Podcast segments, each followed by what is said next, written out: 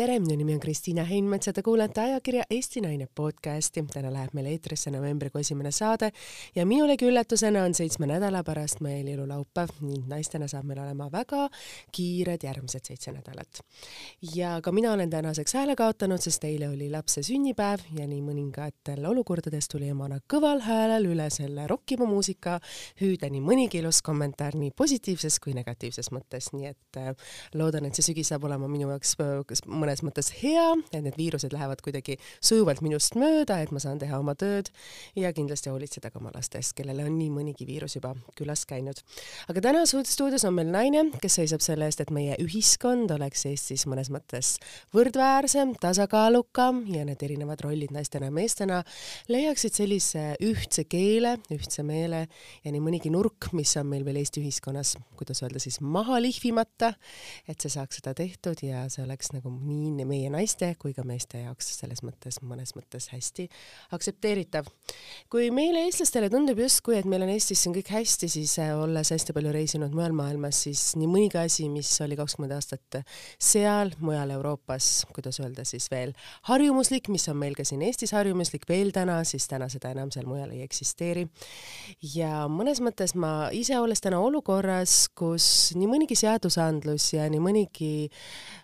paberil tunduv asi on kui mõnes mõttes nagu korrektne, aga siis ise olles selles olukorras, siis reaalsus on hoopis midagi muud kui see, mida me paberil loeme. Ja see, et me naistena oleme siiski seadusandluse silmis nagu tuulelipud ja me sõltume tihtipeale nii mõnegi teise poole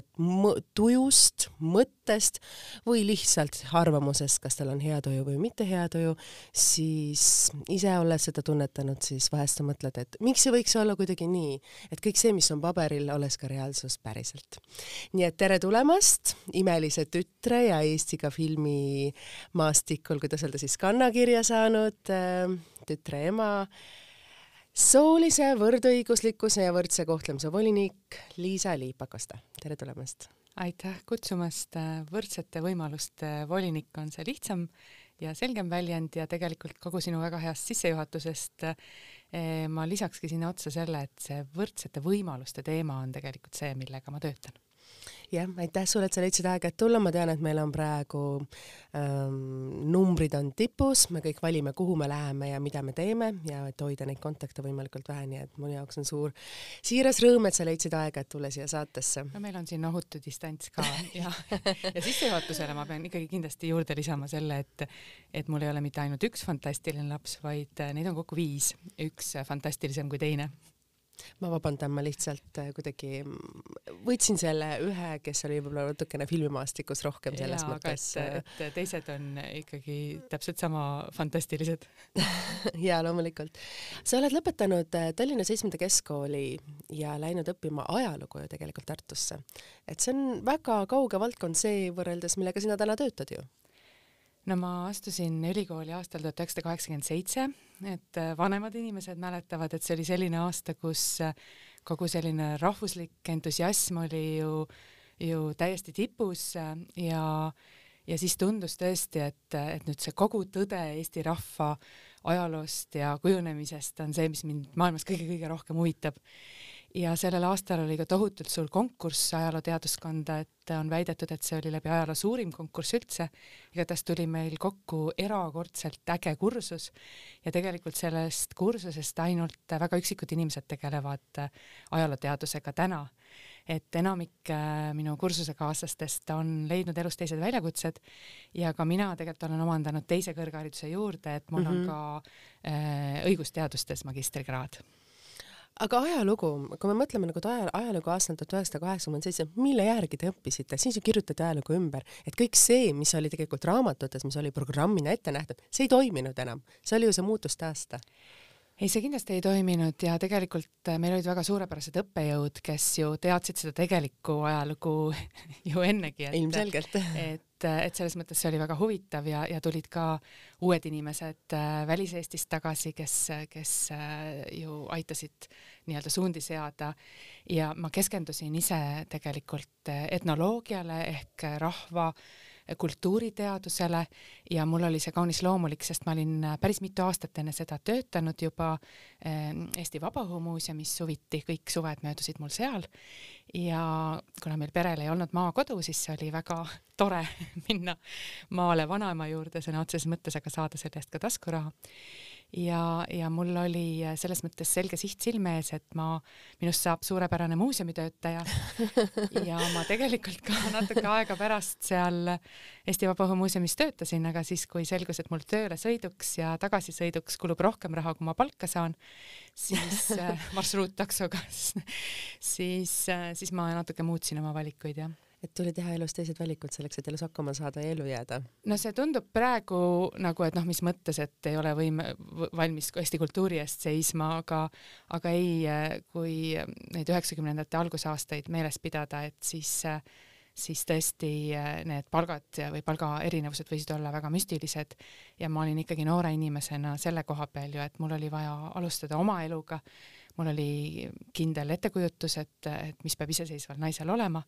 ka oma elamine ja kõik sellised asjad, et, et äh, ma, ma pidin leidma kõrgema sissetulekuga töö. see on väga ilusasti öeldud, sest nagu sa eelnevalt ju mainisid, et sa ju olid koolivaheajad suviti Vabamuuseumist, kus selline idee oli, nii et kas selline oma taskuraha teenimine juba varases nooruses oli oluline sinu jaoks? ja see oli kuidagi täiesti loomulik elu osa, et no midagi sa pidid ju see kolm kuud tegema ja nagu öeldud, et meil maakodu ei olnud, äh, maakodud olid äh, siis üks pommitati sõja ajal äh, puruks ja teine vanaisa ja vanaema pidid põgenema mitu korda, siis vanaisa istus iga režiimi ajal vangis. et, et maakodu meil ei olnud ja, ja tuli mingi väl, väljapääs leida sellest ja siis äh, Ehm, Vabaõhumuuseumis oli minu ema üks klassiõde, kes seal töötas ja, ja tema kaudu oli siis võimalik sinna tööle saada, nii et päris esimene suvi ma töötasin seal koristajana. et tõesti minu tööraamatus kõige esimene sissekanne on siis äh, koristaja ja see oli selles mõttes väga õpetlik, et äh, ma pidin ära kraamima äh, Vabaõhumuuseumi hoidlad nii et ma olen katsunud kõiki esemeid, mis Vabaõhumuuseumi hoidlates on, ma olen neid kõiki puhastanud ja, ja ma mõtlesin välja üsna kiiresti ka sellise süsteemi, et kuidas seda teha kiiremini, efektiivsemalt ja paremini ja ma sain oma tööga ammu enne valmis, kui tegelikult see oli planeeritud. ja siis mulle juba, kuna ma olin nii edukas selles koristamises, ma olin nii süsteemne, et siis mulle usaldatigi juba järgmised tööd, et minust sai valvur, mis on ju erakordselt tore töö noorele inimesele, et, et seal äh, sai korraga äh, istuda ja seda maja valvata ja ka neid turiste juhendada, kes seal siis käisid või, või ka Eesti külastajaid, kui keegi midagi küsis. aga ülejäänud aja sai ju kududa, tikkida ja ma õppisin ära näiteks rootsi keele, et Aha. lihtsalt istud seal ja noh, et siis kui sa kood, et siis ei saa ju aega lasta nagu raisku minna, et, et noh, mis mõttes sa lihtsalt istud ja kood, et siis samal ajal saab ju sõnu meelde jätta, et et äh, niimoodi ta nagu läks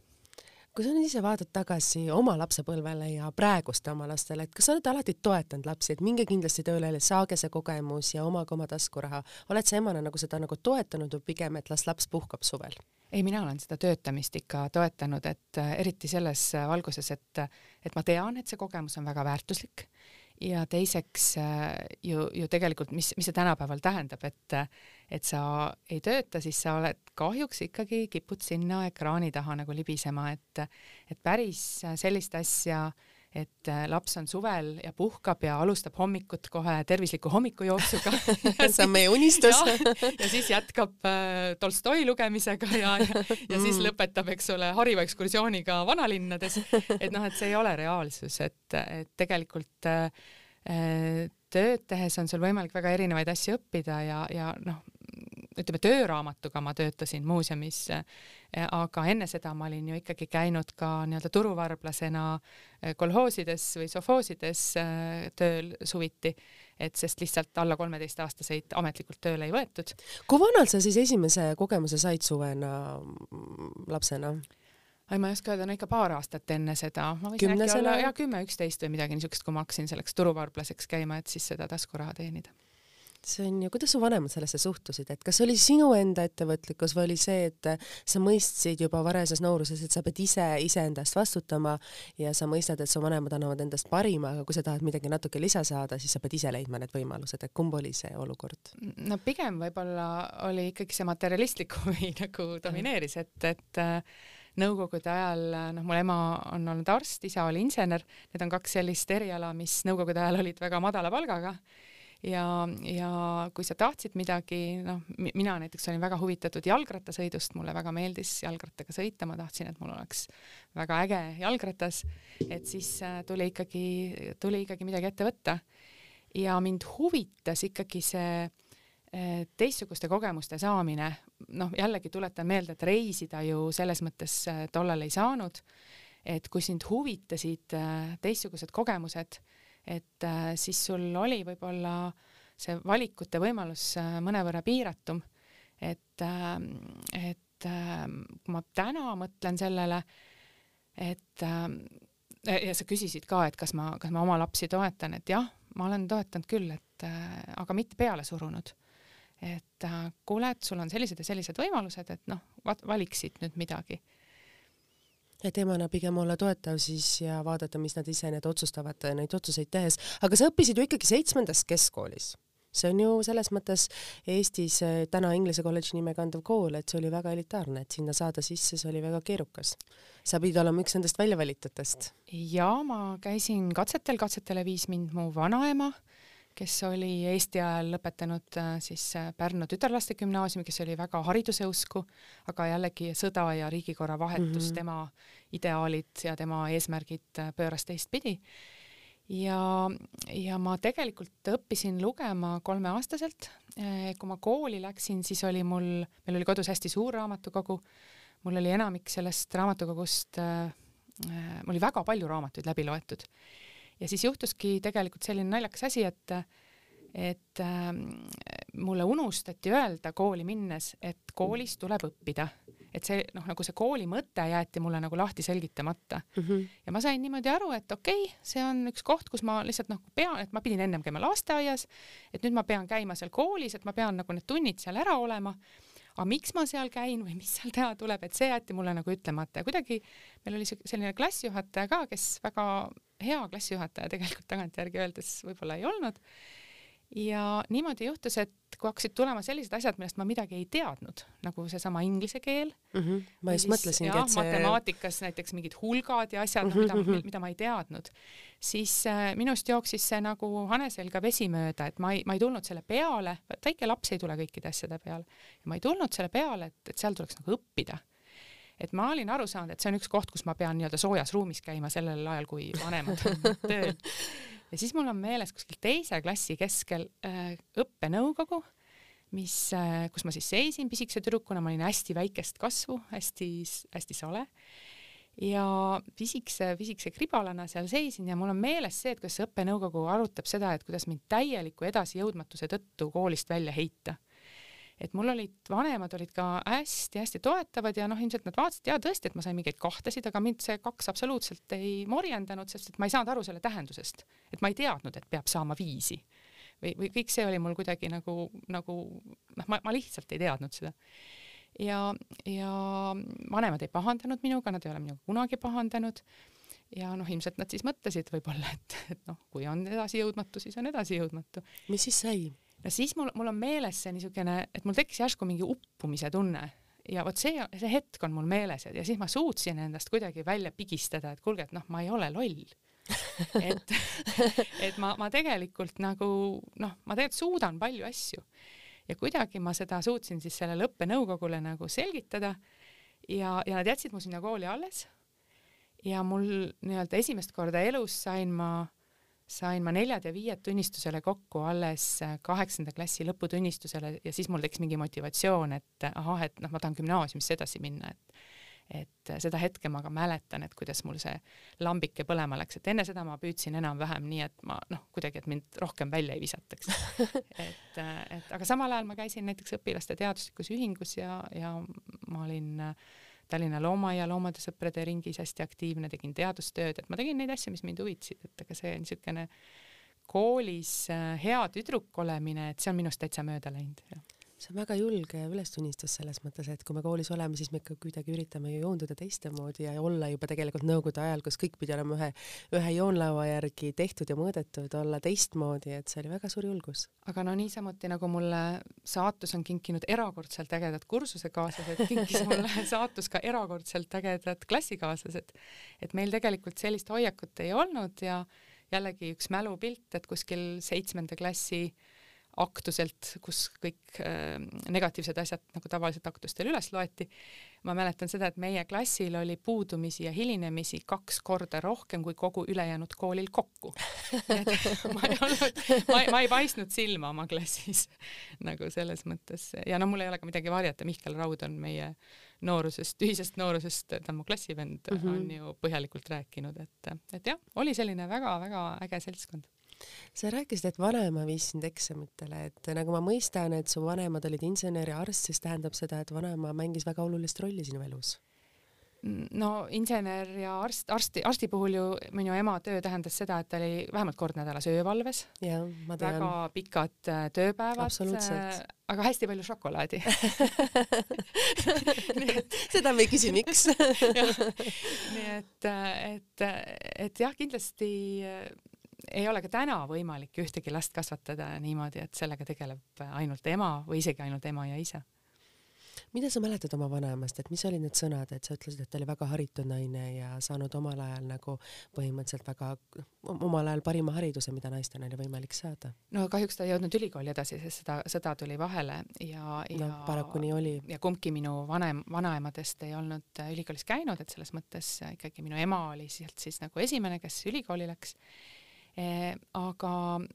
no mis mul, mis mind on veel väga aidanud, on teise vanaema ütlus, et et noh, ikkagi kui keegi sulle näiteks halvasti ütles midagi mm, -hmm. siis mu vanaema õpetas, et kuule, et aga mõtle nüüd hästi läbi, et kas see, mis ta ütles su kohta, et kas see tegelikult ka käib sinu kohta. ja kui see tegelikult ka käib sinu kohta, siis võta seda midagi, et mida sa saad endast parandada. aga kui see tegelikult ei käi sinu kohta, no siis see ju ei käi sinu kohta, et noh, et siis ära tee sellest välja ja see mõtteviis on mind hästi palju aidanud, ma arvan, elus. et sa ei pea hinge võtma seda kriitikat, mis üldse ju tegelikult sinu kohta ei mhm, käi mm, -hmm. mille keegi on lihtsalt oma paha tuju väljaelamiseks välja öelnud. ja kui see kriitika käib sinu kohta, et siis võta seda kui õppetundi ja katsu seda asja siis võib-olla natuke parandada mis on need sõnad, mida sinu ema sulle alati kordas, et kui sa ütlesid, et su vanemad kunagi ei pahandanud sinuga, selliseid vanemaid, sul on endal ju viis last, selliseid vanemaid on ju väga keeruline omada, kes ei pahanda üheski asjas. no ma kindlasti ei ole nii hea ema jah, kui oli minu enda ema aga, aga minu enda ema eh, no tema erinevalt, eh, erinevalt minu vana, vanaemadest, vanemad on juba lahkunud, et siiamaani, et see, see võime lihtsalt toetada oma last absoluutselt kõiges, ükskõik mida ta teeb, isegi kui ta saab neid kahtesid seal koolis et siis ema ikkagi täiel määral toetab oma last. et see, ma olen alles tagantjärgi hakkama saan-, aru saanud, et kui tohutult fantastiline see on ja kui tohutult oluline see on ja kui tohutult palju see sind edasises elus aitab, et sa ei, sa tead seda, et see on täitsa normaalne, et sul lähevad mõned asjad nagu valesti või pahasti ja et, et see, sa ei saagi olla perfektne absoluutselt kõiges, aga sa ikkagi oled oma pereliikmete poolt või, või perekonna poolt täiel määral toetatud, et et see tunne võib-olla on see, mille eest ma olen kõige rohkem oma emale tänulik, et ta on mind absoluutselt kõikides, kõikides, kõikides asjades minu elus alati olnud äh, minu poolt, mind hästi toetav äh,, ükskõik mis, mis juhtub või ükskõik mis ma teen, et see on niivõrd fantastiline tunne see on ilusasti öeldud, mida sa praegu ütlesid, et aga nüüd hüppame tagasi sinna ajalooteaduskonda Tartu Ülikooli, mis oli kindlasti tollel ajal väga selline crazy periood kogu meie Eesti ühiskonnas arvestades Tartu Ülikooli, kui mässumeelsed need üliõpilased võisid seal olla. Ja eriti, kui me mõtleme ka ajaloo valdkonnas, sellepärast et raamatuid ei olnud, et mille järgi te tegelikult tollel ajal õppisite, raamatud ju, ma mäletan ise seda hetke, kui me olime koolis ja meile võeti need nõukogudeaegsed ajalooraamatud ja need pandigi seal hoovis põlema raamatute põletamisega me ei tegelenud ja et, ma arvan, et no. isegi nõukogudeaegse raamatu põletamine ei ole võib-olla see, mida me peaksime tegema, et see raamatu põletamine on midagi, mis on olemuslikult vale. ma olin laps, ma olin hästi väike laps ja seda tegid suured poisid, ma mäletan, nad võtsid ajalooraamatut, kuna neid aineid ei olnud. ja ma saan aru, miks nad seda tegid. aga lihtsalt minule endale jäi see lihtsalt nagu sellise natuke šokina mõnes mõttes silma, et ma lihtsalt mõtlesin, et kas niimoodi tehakse. noh, tegelikult ju äh, ka siis, kui me käisime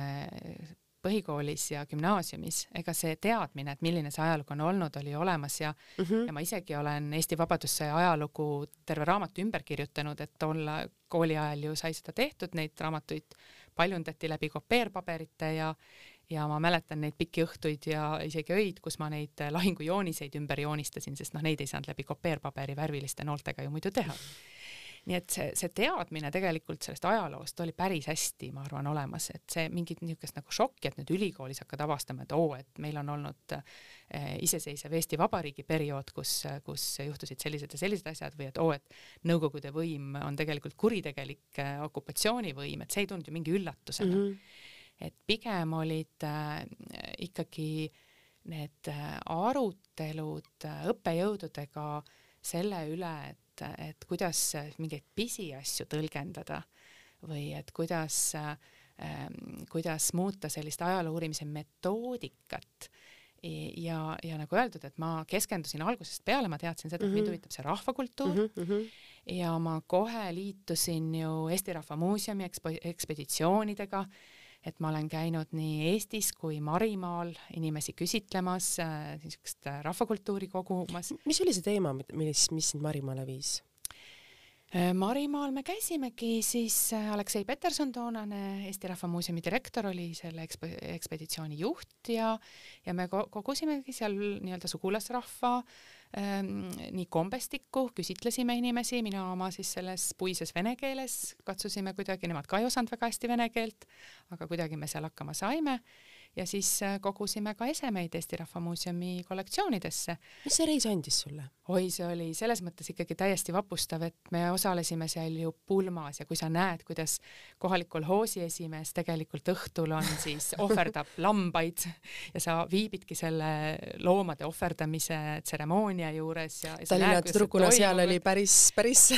ekstravagantne. ei, see oli väga-väga huvitav, mulle, mind see, mind see väga huvitas ja kui sa küsid, et mis see andis, siis noh, mis tahes teise kultuuri süvitsi tundmaõppimine annab sulle eeskätt ju arusaama enda kultuurist. see tegelikult aitab sul peegeldada seda, kui me ka turistina reisime näiteks, et see aitab sulle aru saada, et mis sinu enda komberuumis tegelikult toimub, kus sinu enda juured on, kus sinu enda tugevused on ja, ja, ja mis on kuskilt tulnud, kellega me oleme sugulased, eh, mida me oleme kuskilt laenanud et me oleme kõik üks äh, inimkond õlg õla kõrval, hästi huvitav oli sa said selle reisi Marimaalt ja sa räägid praegu, et sa edasi oled, äh, kui sa oled reisinud, sind huvitavad need inimeste kultuurid. mis on võib-olla need, mida sa oled iseenda jaoks nagu siin Euroopas reisides või maailmas ringi reisides enda jaoks nagu võtnud või kaasa haaranud? alati, kui ma reisin, ma püüan, äh, ühelt poolt ma käin, püüan leida aega, et ma saan ikkagi muuseumides käia, aga teisest küljest ma püüan leida sellist aega, et ma lähen kuskil äärelinnas mõnda sellisesse kehvemasse kohvikusse või pubisse või või et ma, ma, ma ei söö mitte selles kesklinna glamuurses kohas, vaid et ma katsun jõuda kuskile äärelinna. Ja, ja katsun leida selle aja, et sellel ajal, kui ma siis söön, sest sööma sa pead, et, et ma vaatan neid inimesi ja, ja püüan aru saada, kuidas nad äh, elavad ja on ja ja ma äh, katsun külastada ka näiteks äh, hotelli asemel hostelit, et kus sa tõesti reaalselt tutvudki nende inimestega erinevas vanuses, erinevast kultuurist. Ja Juku-Kalle Raid, kellega mul on ka õnnestunud paar korda koos reisida, on mind õpetanud noh, veel täiega nautima seda, et, et kui sa reisid ja sa ööbidki mingi lavatsi peal kuskil, aga sellest kellegi kodus ja, ja sa saadki päriselt nende inimestega suhelda, et et, et selle eest ma olen Juku-Kalle Raidile väga tänulik väga oluline on jah olla selle kultuuri osa ja näha, kuidas nad oma neid igapäeva, argipäeva toimetusi tegelikult teevad ja need võivad olla kardinaalselt teistmoodi, millega me oleme Eestis harjunud väike, väga väikestes detailides. mis on need asjad, mida sina oled võib-olla tähele pannud, mis meil on Eestis normaalsus, võib-olla mis mujal ei ole normaalsus, kui sa oled reisinud? no kui me tuleme jutu alguse juurde tagasi, siis, siis tegelikult, kui me räägime suhtumisest naistesse mm -hmm. ja naiste õigustest laiemalt, siis noh, Eesti kultuur on ikkagi äh, väga võrdõiguslik. et äh, me teame hilisematest nüüd arheoloogilistest ka väljakaevamistest äh, tänu arheoloog Marika Mägile,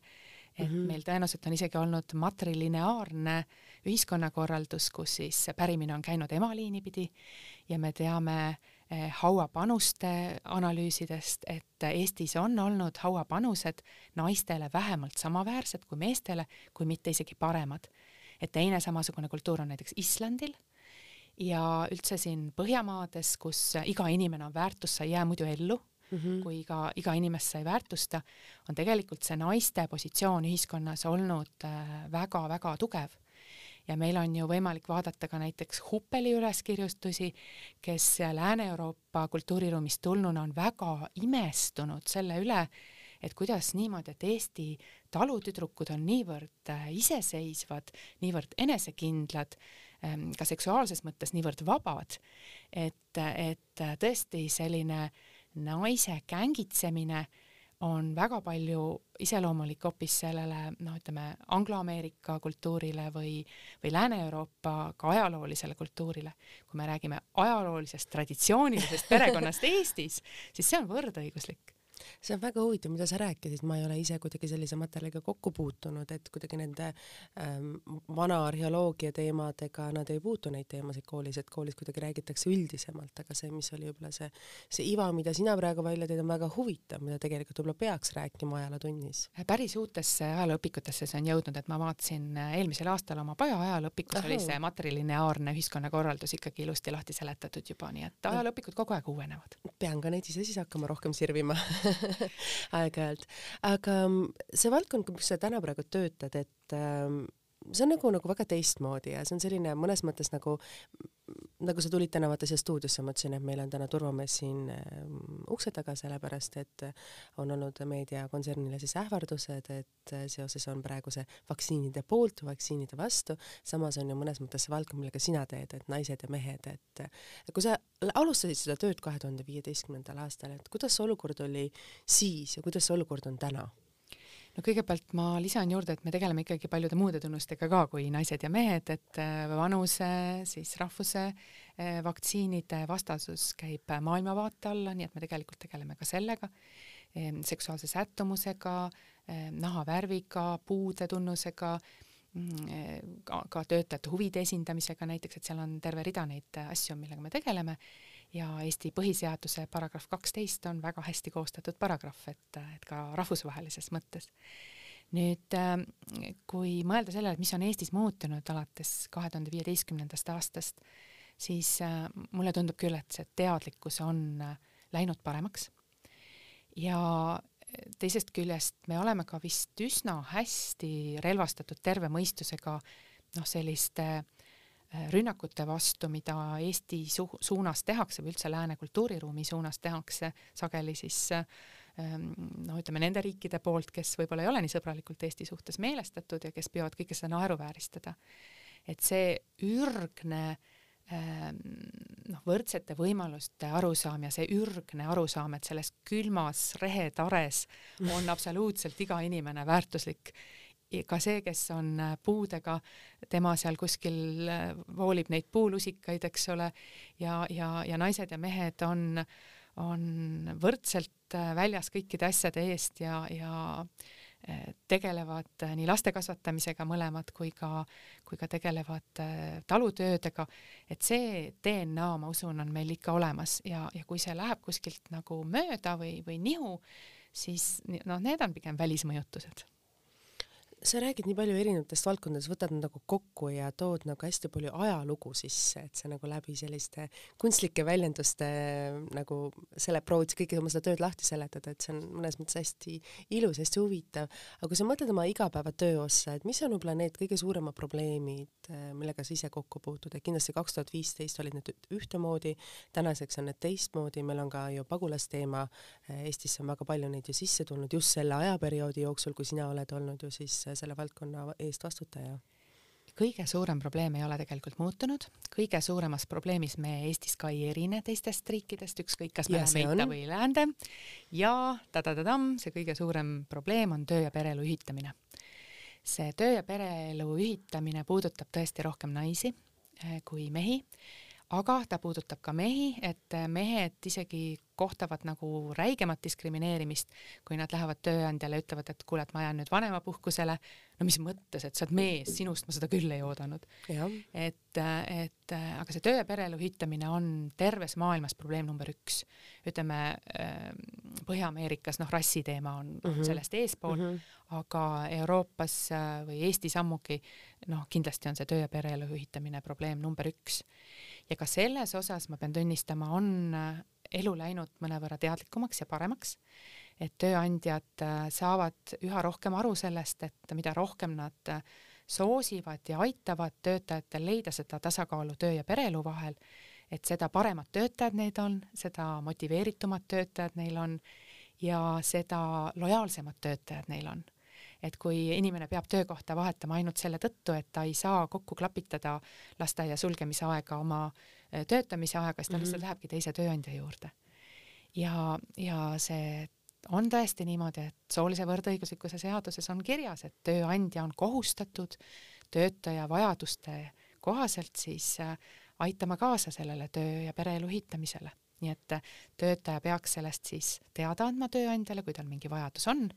ja koos tuleks leida siis sobiv lahendus, et, et see on kõige-kõige olulisem või kõige suurem teema, kus on kõige rohkem pöördumisi, kõige rohkem küsimusi ja mille mõju ka ühiskonnas on kõige suurem, sest see mõjutab nii laste sündi ehk siis iivet, rahvastiku ta taastootmist, kui soovite, ja teisest küljest ta mõjutab ka kogu majandust. kui palju seda täna tegelikult äh, peetakse oluliseks, seda, et sa ütlesid seda muu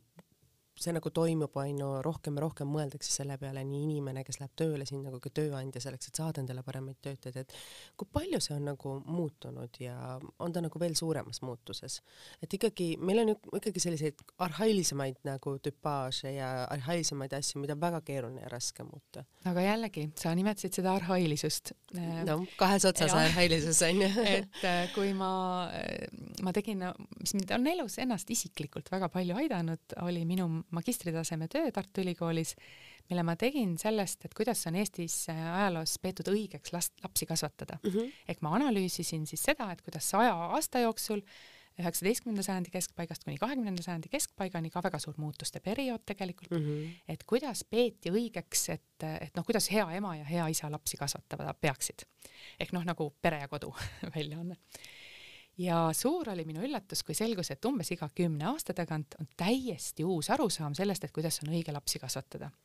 ehk see kogu aeg muutub. mis siis praegu on arusaam? ma võtsin kaasa selle olulise teadmise, et ups, et see, seal ei ole mingit niisugust universaalset tõde, et kui sa niimoodi teed, et siis sul kasvavad lapsed nagu imeilusti. et, et seal kogu aeg on see ühiskonnas nagu muutub see arusaam ja ma ise suutsin seda ka kogeda, et mul on kõige vanema lapse ja kõige noorema lapse vanusevahe on kolmteist aastat ja noh, tõesti see, kuidas mind noh, alates sünnitamisest juba, et kõige vanema lapse sünnitamise puhul äh, tul-, pidid sa lamama, sind aheldati kuskile kinni mingite rihmadega ja, ja sa ei tohtinud ise üldse aktiivne olla. ja kui kõige noorem laps sündis, oli ka sünnitamine ise või arusaamine sellest, et kuidas on õige sünnitada, oli täiesti totaalselt muutunud. ja samamoodi ma olen tähele pannud, et ka kõik muud asjad muutuvad ja muutuvad siiamaani, et umbes see kümneaastane periood on alles, isegi Benjamin Spock ennem oma surma suure osa oma tõdesid, ütles, et ei, ei, tegelikult on teistmoodi. ja kui sa küsid, et mismoodi praegu on õige, siis ma jään selle vastuse võlgu, et ma ei ole praegu jõudnud analüüsida seda, et, et mida nagu õpetatakse või, või mida õigeks peetakse ühiskonnas, et aga seda, seda võib küsida pere ja kodu peatoimetaja käest, et, mismoodi on õige. aga see, see teadmine või kuidas see, kuidas see kokku võtta või, või see kasulik teadmine, et mida meie podcast'i kuulaja võiks võib-olla endaga kaasa võtta, on see, et et ikkagi usalda väga palju iseennast, usalda väga palju seda, et mis on sinu lapse tegelikud vajadused, iga laps on erinev mm -hmm. ja jäta võib-olla need sõbrannade soovitused või, või ajakirjades olevad, et noh, hea ema teeb nii, et jäta need nagu kõrvale. aga ma tegelikult hakkasin seda lugu rääkima sellepärast, et ma tahtsin vastata sellele arhailisuse küsimusele, kui ma seda tööd tegin, siis mul alguses oli see mõte, et ma uurin ka seda, et kuidas need soovitused vastu võeti mm. -hmm, ja selle tõttu ma lugesin Eesti Rahva Muuseumis on need küsitluslehed mm, -hmm. mida siis äh, omaaegsed äh, ja, ja arhiivis, eks ole, eh, omaaegsed eh, rahvapärimuse korjajad on kokku kogunud ja seal oli nii toredasti kirjas, kuidas isad räägivad, et noh, lapse õige koht on loomulikult süles ja ja noh, et nagu ega me, kui me hakkame tagasi mõtlema, et siis no tõesti, et ega ema ei õpetanud ju puulusika voolimist, eks ole, et et noh, niisugune traditsiooniline Eesti perekond on ikkagi tegelenud lapse kasvatamisega nii ema poolt kui ka isa poolt kui ka vanavanemate poolt kui ka terve küla poolt. Ja see, et Tammsaare Tões ja õiguses esimeses osas ehm, noh, Andres ei tegele väga palju lastega, kirjanik kirjeldabki seda kui midagi teistsugust, midagi imelikku, mis ta on sinna raamatusse pannud, et et see on ju seda raamatut lugedes selgelt arusaadav, et et ta ei kirjelda seda, et see on nüüd kõik Eesti mehed käituvad niimoodi, vaid ta kirjeldab seda Vargamäe Andrest kui midagi imelikku ja ta kirjeldab ka seda, et niisugused traagilised tagajärjed sellele ju tegelikult järgnesid. sa väga huvitavalt võtad selle Andrese kuju, paned sinna kõrvale sõna imelik, sest üldjuhul ikkagi ta võetakse nagu selliseks tüpaaži esindajaks. jaa, aga ta tegelikult ei ole ju seda, kui sa raamatut loed. jah. nii nagu Pearul olid ka mõned imelikud jooned seda kindlasti täna, tänapäeva mõttes mõeldes oleks väga karm, kui panna see nagu täna reaal, tänapäeva reaalsusesse, et aga me räägime nüüd sellest, et kuidas sa ise oled oma pereelu ära sättinud, et sul on ikkagi viis last, sul on olnud alati väga sellised edukad, ambitsioonikad töökohad, et kuidas sa ise suudad selles laveerida, et kus oled sina seal ja mis on need sinu jaoks olulised detailid, et naisena ellu jääda? No ega ma ei ole kindel, et mul on see laveerimine kuidagi õnnestunud või, või, või tegelikult ma olen täitsa kindel, et, et, et ei olegi. aga võib-olla on mind aidanud seesama see niisuguse hullumeelse suutmissurve puudumine, et me just hiljuti koostöös Estonian Business School'iga tegime väikse uuringu, kus mm -hmm. me uurisime siis äh, Eesti naiste kogemusi just sellesama töö ja pereelu ühitamisega. Ja, mm -hmm. ja sealt tuli välja see, et naised tunnetavad tohutut suutmissurvet, nad tunnetavad seda, et nad peavad olema ideaalsed tööl, nad peavad olema ideaalsed kodus. Ja siis veel, et noh, et kui sul ei ole mingit isiklike hobide, mingit eriti glamuurset nimekirja ette näidata, et noh, on ka nagu halvasti, et see ei ole ju võimalik, see ilmselgelt ei ole võimalik. Ja, ja, ja võib-olla mind on aidanud natukene see, et et ma, ma olen nagu täitsa rahulikult suhtunud sellesse, kui kodu on jumala sassis, et äh, ka tegelikult noh, eile ma, nüüd kus see distantsõppe asi, eks ole, kõik algas ja niimoodi, et et äh, ma ostsin äh, neid hommikusöögi helbeid, mida ma tegelikult kunagi ei osta. aga ma lõin käega, et siis mul on nagu kopp ees ausalt öeldes sellest, et üks laps on distantsõppel, teine ei ole, üks on kuskil, noh, ühesõnaga, et see, see on nii keeruliseks läinud, et ma võtan vähe lihtsamalt, et ma ostan neile need hommikusöögi helbed ära, et noh, midagi ei juhtu, kui me paar nädalat ei tee seda hommikuputru, onju. et, et see täitsa nagu rahulik suhtumine võib-olla sellesse, et kui midagi ei ole perfektne, enamik asju ei ole perfektsed, nad ei peagi olema perfektsed ja mis kõige olulisem, nad ei saagi olla perfektsed et, et see, see suutmissurve puudumine on mind ennast nagu aidanud. kui palju sa ise tunned, et seda meie Eesti ühiskonnas on, et seda väga palju sellest ju ajakirjades ka kirjutatakse just viimastel aastatel, et et see tubli tüdruku kuvand on olnud ju see, millega me üles kasvasime ja ikkagi see pidev iseenda piitsutamine, et ma pean nendele normidele vastama ja siis mingil hetkel sa tunned, et no ma ei jaksa lihtsalt enam. see on päris karm minu arust, et et ka need ootused äh, noh, ma olen mitu korda tunnetanud, et ka, ka mulle tehakse etteheiteid, et, et ükskord kirjutati näiteks sellest, et ahaa, et ta ei käi maniküüria juures, et vaata see küünelakk katab ainult küünt, aga mitte seda valget osa sealt kuskil otsas, et, et inimesed panevad niisuguseid asju tähele, et noh, maniküür ei ole nagu perfektne, et no mis mõttes. et, et see, see on väga-väga ränk, kui sa lased endale seda nagu sisse või kui sa võtad seda endale kuidagi nagu omaks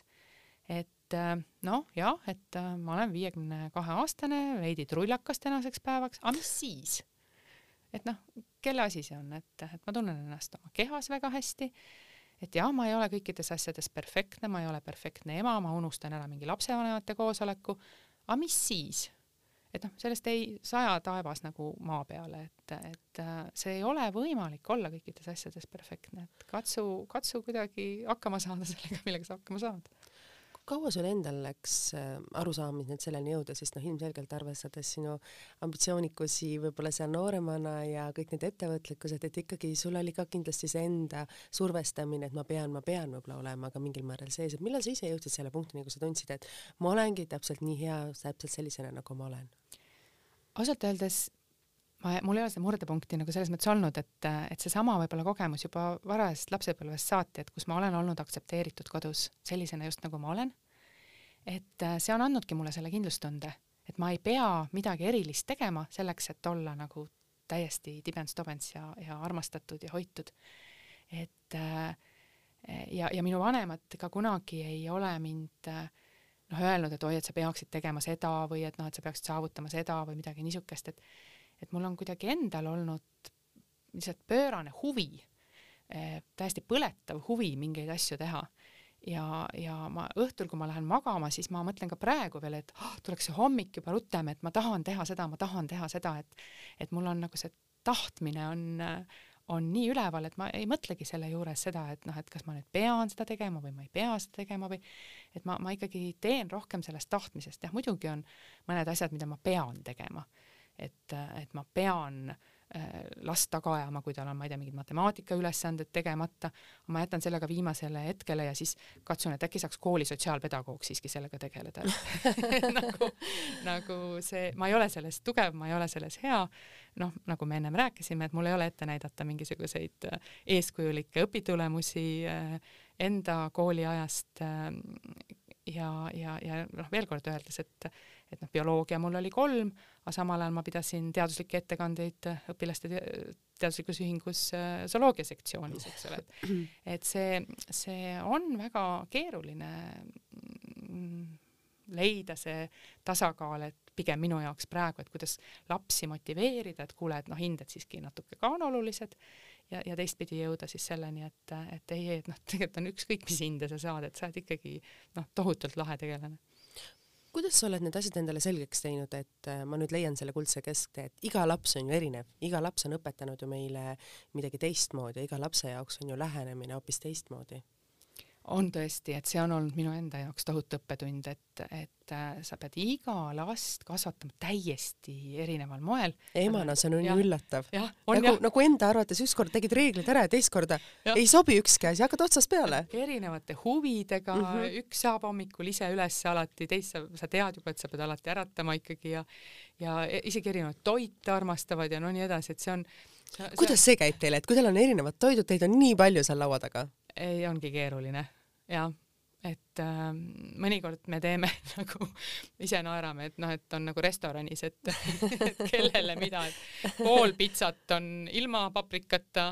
ja üks neljandik pitsat on ilma seenteta ja nii edasi ja nii edasi. nii te teete koostööd, saate kõikide asjadega hakkama? ei noh, ma ei tea, elus me oleme jah kas me nüüd just hakkama saame, see on omaette küsimus, aga aga jah, et kõige, kõige vanem laps on ülikoolis magistriastmes praegu, no tal on ka samasugune huvi asjade vastu. et see, see teeb mind hästi rõõmsaks. teine laps on, on kaitseväeteenistuses praegu, jällegi ta ise tahtis minna, tal on huvi kohe selle vastu, et kuidas ta hakkama saab seal, seal on ju väga keeruline ja raske praegu, eriti ei, tema on täitsa vaimustuses vaimustuses? jaa, ta, ta, on autojuht seal ja, ja noh, muidugi kui, kuna me kodus teda ju auto taha ei lase, et sa oled mm -hmm. värskelt, eks ole, täiskasvanuks saanud ja ja, ja noh, ütleme, sa, sa ei pea, see on hea võimalus võib-olla nii mõnelegi noormehele minna kõigepealt kaitseväeteenistusse, et sa ei pea mingeid elukutse valikuid nagu kohe tegema, et, et ja sa saad seal olla autojuht et sulle antakse mingi täiega äge masin mida sa kunagi võib-olla rohkem elus ei sõida sellisega enam. noh, ei tea jah, et, et selles mõttes see, see on väga tore ja ma elan talle väga kaasa, et mulle, mulle meeldib see tema vaimustus. et ähm, ja, ja nii edasi, et noh, väiksemad siis õpivad äh, üks gümnaasiumis, kaks äh, siis põhikoolis ja nüüd mul läks selle lastest rääkimise peale juba silm märjaks ja meelest ära, et mis see küsimus oli, et kui sa hakkad oma lastest rääkima. nii juhtub teinekord. siis sa ja muutud emana ikkagi väga emotsionaalseks. kuidas sul e-õpe läheb, et praegu see hakkas ju väga suurelt pihta üle Eestimaa väga paljudes peredes, et sa ütlesid ise ka, et siis need krõbinad ütlesid, pole midagi teha, jääme ellu. jah, et ähm, ei ma ma ikkagi usun sellesse, et laps peab õppima ise ja ma usun ka sellesse, et äh, väga suur väärtus eluks edasi ei ole mitte need konkreetsed teadmised, mida ta selles ühes või teines aines omandab, vaid väga suur väärtus on oskus omaenda aega juhtida ja omaenda ülesandeid juhtida. ja ma kuidagi püüan neid äh, noh, tore on öelda, et mitte enda laiskusest aga no ma ka tõesti ei jõuaks sellesse süveneda, et kuna tegelikult koroonaga läks meil ka töö juures koormus ülesse no,, et siis see, siis see ei olekski võimalik e, ja, ja kuidagi nad ikkagi peavad ise hakkama saama nende asjadega. ja siin ma pean tänama kõiki õpetajaid, et, et õpetajad ikkagi pakuvad väga palju abi ja tuge. tuleb osata küsida tuleb osata küsida ja me oleme ka koolist laenutanud neid arvuteid ja asju, et tegelikult see abi on olemas, et ma räägingi seda võib-olla sellepärast, et, et kes ei ole julgenud veel küsida, et mina, mina olen küsinud ja see on töötanud, et ikkagi ma julgustan kõiki eh, vanemaid eh, küsima koolist abi, kui on mingi probleem lapsega see on väga ilusasti öeldud, et ma arvan, väga paljud vanemad ongi pigem ise üksi kodus stressis, et see kool on viimane asi, kuhu julgetakse pöörduda. muidugi see oleneb ka väga palju koolidest. see on lapse huvides ja, ja, ja võib-olla noh, ma ei taha uskuda, et on koole, kes vastavad, et, et meid see ei huvita, sest noh, põhikoolis vähemalt seaduse järgi juba koolil on väga suured kohustused peret mhm, aidata -hmm. ja mhm. last aidata. gümnaasiumis on need kohustused mõnevõrra tagasihoidlikumad, aga noh, gümnasist ikkagi ka tavaliselt saab ise rohkem hakkama ja kui ka me, me teame ju praegu ka statistikast, et päris mm -hmm. mitmed gümnasistid on katkestanud yeah., no ei ole hullu midagi. ta katkestab ära, ta mõtleb natukene ja ta jätkab kuskil edasi, et et seda lootust ei tohiks kindlasti kaotada, et ma olen ka väga ikkagi vastu sellele mantrale, et nüüd on kõik halvasti ja see, et noored on kadunud põlvkond ja noh, nii edasi, et see ei, me ei tohi niimoodi mõelda ja me ei, kuna me ei tohi niimoodi mõelda, me ei tohi ka niimoodi öelda, et see on täiesti ebaaus nende noorte suhtes. Nad ei ole kadunud põlvkond, nad saavad hakkama, me peame neid toetama eh, ja me peame neid julgustama ja kui me mõtleme jälle kas või lähiajaloos tagasi, et missugused hirmsad ajad on ju inimestel olnud, missugused tohutud katkestused on hariduses olnud ja missugused erakordselt sümpaatsed ja targad inimesed on lõpuks sealt välja tulnud mis on sinu enda võib-olla selline soovitus tänapäeval ütleme peredele või emadele, et sa ütlesid, et küsida koolist abi asju, mida sa oled ise emana täheldanud, et sa oled julgenud küsida abi, aga mis on need enda reeglid, mida sa oled mõistnud, et võib-olla ise vabamaks lasknud või mingid teatud detailides, et jääda ellu? noh, jällegi ma ei ole kindel, et ma olen üldse kõikides asjades õnnestunud, aga mis on sinu oma, et ega see podcast ongi ju selleks, et inspireerida teisi emasid, et kuidas me siis hakkama saame, otse ja ausalt, et ei ole kõik nii ilus nagu viiekümnendate aastate käharates seelikutes piitspeenikeste pihtadega lokiliste juustega naisi täna enam. millest ka omakorda järgnes kuuekümnendate aastate mässumeelsus, mässumeelsus, sest mm -hmm. saadi väga laialdaselt aru, et see ei ole võimalik mm. -hmm aga võib-olla praktilisi soovitusi, no mis mind on aidanud mm -hmm, näiteks, et, äh, et ongi ikkagi see, et ma olen koolile püüdnud võimalikult varakult öelda, kui meil on probleem. ja ma olen äh, ka püüdnud lastele ikkagi väga selgelt öelda, et kuule, et mina ei tegele sinu õppimisega, isa ei tegele sinu õppimisega, et sa pead ikkagi sellega ise tegelema ja sa saad hakkama ja kui sa ei saa hakkama, siis võta seda ka kui õppetundi ja, ja katsume siis võib-olla mõelda, et miks sa ei saanud hakkama. ja ma olen neid julgustanud hästi palju nendel hetkedel, kui nad ei ole hakkama saanud mm, -hmm. et see on mhm. täitsa okei okay,, kui sa ei saa hakkama see on täiesti okei okay,, et sa said selles matemaatika kontrolltöös kolm protsenti sajast, nagu meil ükskord juhtus ma ei tea, kuidas see õnnestus, aga see on väga ilusasti öeldud, et see on et, väga okei okay,. et no minul oleks, ma arvan, ilmselgelt kõik mu juuksekarvad äh, meetrise pikkusega püsti ei, et noh, et nüüd vaatame järgi, et noh, et kuidas sa saad selle, lepi kokku aeg, et kuidas sa saad selle järgi teha ja vaata rahulikult see materjal üle, kui sa ei oska, kui sa ei saa aru, küsi õpetaja käest ja noh, mul on nüüd nagu piinlik öelda, aga ma loodan, et siis lasteõpetajad ei kuula seda, aga ma olen ikkagi lastele öelnud ka, et kuule, et tegelikult küsi õpetaja käest seda lisa aitamistundi ka, et noh, et neil on kohustus seda teha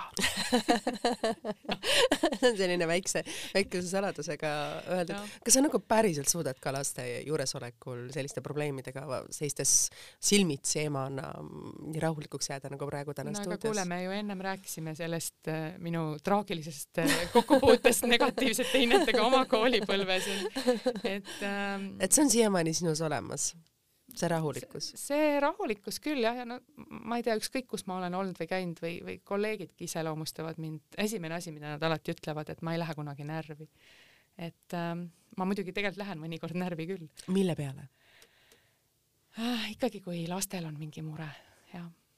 see, see viib, sellele ma elan ikkagi niivõrd täiega kaasa ja noh, mitte õppimisega seotud mure, vaid noh, mingi sihuke niisugune teistsugune mure. see on ema jaoks kõige suurem valv alati. jaa jah, et siis, siis ma olen ikkagi,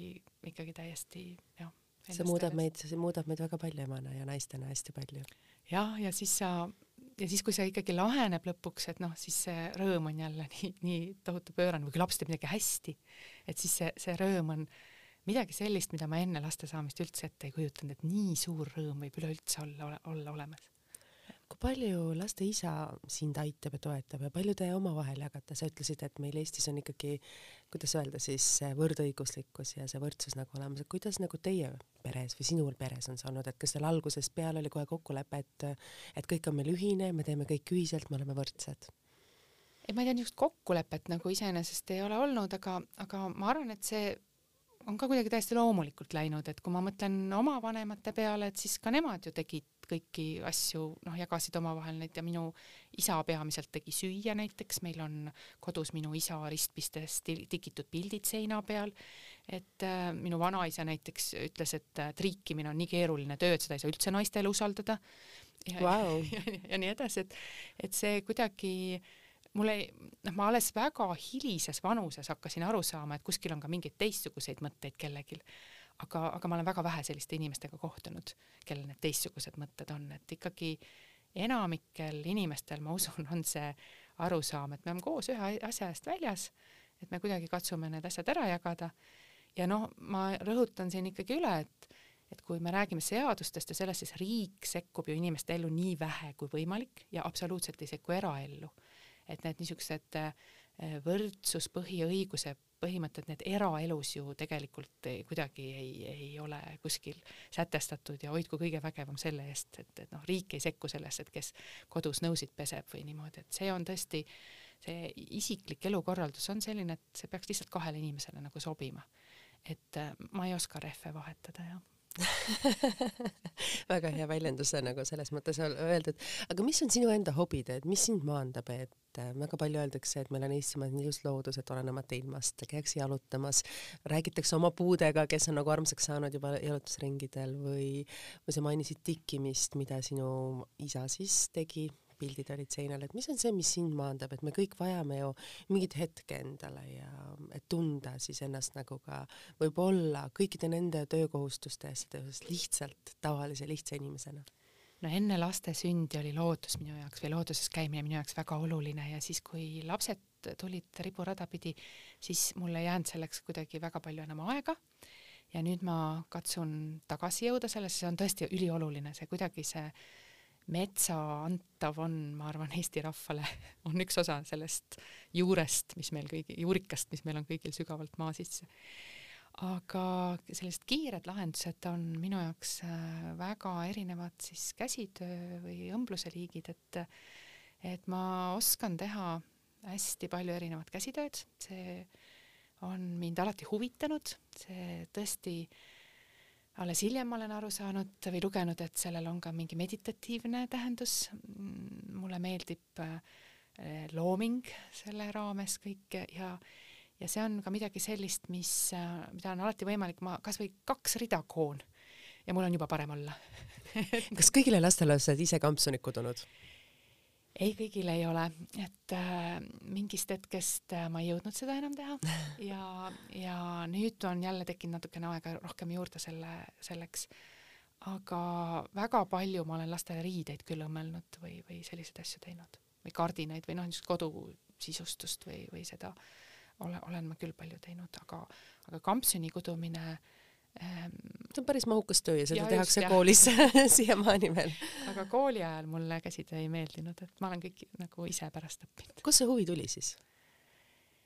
ähm, ma ei tea, meil lihtsalt oli selline õpetaja võib-olla ka koolis, kes, et see ei olnud väga populaarne aine. ja see tuli sellise rahvusliku vaimustusega ikkagi. Et äh, ülikooli ajal? ei ennem, ennem ikkagi, me keskkooli lõpetades mul oli seljas ikkagi enda tehtud rahvarõiva komplekt, et see oli tollel ajal nagu norm. see oli ikkagi midagi väga ekstravagantset, sest Ei. seda ikkagi ise tikkida ja õmmelda, see on Jaa. väga keeruline. ja, ja aga selleks tulid need võtted kõik ära õppida ja käisin siis ka juba Eesti Rahva Muuseumis siis neid äh, eeskujusid õppimas ja omandamas ja ma olin ju ka sealsamas Vabaõhumuuseumis äh, katsunud nii palju neid tikandeid ja neid nii palju uurinud. ja mis kihelkonna oma?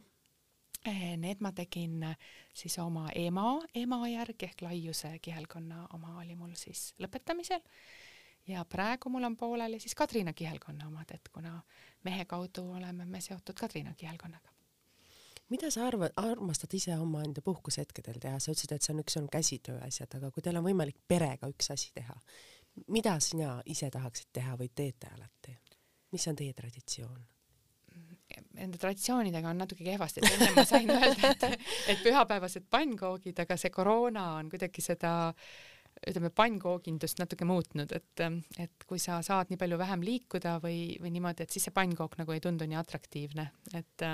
et meil, meil see koroona seda pannkoogi traditsiooni tegelikult muutis. ja asendas seda võib-olla natuke rohkem, et me teeme smuutisid või, või selliseid asju ja püüame rohkem teha, et eh, aga, ja, ja täpselt samamoodi, et et noh, meil näiteks eh, me püüdsime iga suvi kuskile reisida no Noh, see- praegu sellega on nüüd ka nagu natukene keeruline, et, et püüame seda natukene taastada ja noh, need reisimise kohad, Pärnu, suvi Pärnus või mingid nädalad Pärnus oli, oli, oli see, mis oli nagu absoluutne, kindlasti pidi olemas olema. et muidu ei olnud aastatki, aga jällegi, see on natukene nagu muutunud. jah.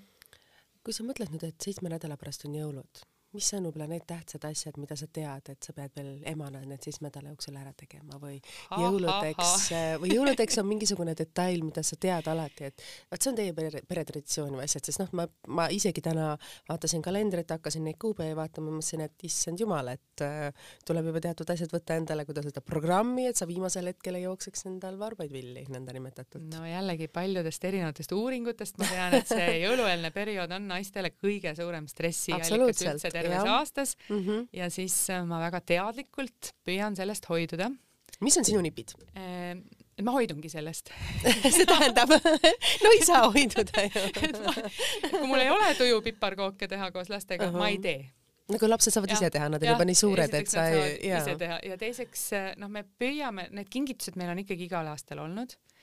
äh,. aga me juba päris mitu aastat, kuna lapsed on suuremad mm, -hmm. püüame ikkagi liikuda sinnamaani, et halloo, tarbime vähem, ostame vähem, ärme ostame, me ei pea midagi ostma sellepärast, et teha kingitust. et kingime midagi hästi väikest ja hästi lihtsat ja, ja, ja katsume noh, katsume välja tulla sellest kinkimise, ostmise maanide, maaniast. ja, ja see võtab ka selle stressi ära, et isegi kui lapsed alguses olid natuke pettunud, et ahah, sihuke väike raamat on kogu minu jõulukink või tõesti et siis, siis praegu on, ma arvan, see mõistmine noh, hakkab kuskilt otsast äkki tekkima, et ma räägin hästi palju seda keskkonnajuttu sinna ka taustaks, et kuulge, noor põlvkond, te ju saate aru, keskkonnakahjulikkus, me ometi ei osta neid kinke niimoodi, sest see on keskkonnale kahjulik. See on mul lihtsalt nagu hea rohepesu argument sellele, et, et seda stressi ära hoida, aga noh, see tundub tõesti nagu natuke nagu jabur, et väikestele lastele jah, muidugi. jaa, absoluutselt. aga, aga nüüd, kus, kus, kus kõige noorem on ka juba viiendas klassis, et nad saavad nagu palju paremini aru äh, sellest. ja, ja me oleme juba päris mitu aastat oleme neid kinkidega majandanud, et noh, kas mingi teatripilet või, või hoopis midagi sellist, mis ei emotsioon. ole, jah, et mis ei ole nagu, et sa ei osta mingit asja jälle või mingi tõesti vajalik äh,, vajalik ese, et siis nad on natuke pettunud, sokid, ahah aga, aga see, see aitab võib-olla seda stressi maha võtta ja siis jõululauda, lauale me oleme ka lähenenud tegelikult hästi lihtsalt ähm,. masinad on need, mis meid ikkagi aitavad palju sa teed ise ja palju te teete koos? Äh, jõululaua puhul me oleme seda asja nagu jaganud, aga ma arvan, et meie jõululaud on ikkagi lihtsam kui võib-olla väga paljudes peredes. Et äh, meil on seapraad, mida teeb multikukker ja siis äh, meil on äh, alati mingisugune suur tort, kus me võib-olla kasutame ka mingisuguseid Kalevipoest ostetud martsipanikujukesi peale kaunistuseks, et läheks kiiremini ja lihtsamini. et et see ja, ja mingid asjad siis jah, teevad lapsed või keegi teine ja pohlamoosi me ostame poest ei lähe ise rabast ei korja neid. et noh, selles mõttes jah, mul niisuguseid nagu ütleme jah, et ajakiri oma maitse minuga ilmselt intervjuud ei tee aitäh sulle, Liisa-Lee, et sa tulid siia stuudiosse. tund on möödunud meil naerdes, naistena, emadena neid erinevaid emotsioone jagades. seitsme nädala pärast on meil jõulud. me räägime juba seda novembrikuu alguses, nii et kallid kuulajad võtke Liisa-Liist õppust, tehke elu lihtsaks, ärge stressake, nähke seda maailma võimalikult teistmoodi, iga emotsioon on palju olulisem kui see stressirohke hetk või see kingitus või see asi või omadagi seda headust ja võib-olla mitte neid pannkooke ja võib-olla hoopis midagi muud, et nautida elu ja olla olemas oma laste jaoks, iseenda jaoks ja selle elu jaoks. väga nõus, lapsed ju lõpuks tahavad ka kõige rohkem seda puhanud ja rõõmsat ema. absoluutselt, nii et kallid kuulajad, puhanenud rõõmus naine, abikaasa, ema, kes iganes, on palju tähtsam kui kõik muud need tähtsad otsused meie elus. aitäh teile, kuulajad, et te olite tunnikese meiega, kohtume juba nädala pärast taas kord Eesti Naise podcasti stuudios kõike head teile ja nagu ikka, on saade kuulatav Delfi tasku keskkonnas Spotify's ja SoundCloudis. aitäh kord Liisa-Lii veel tulemast ja kõike head! aitäh, kõike head!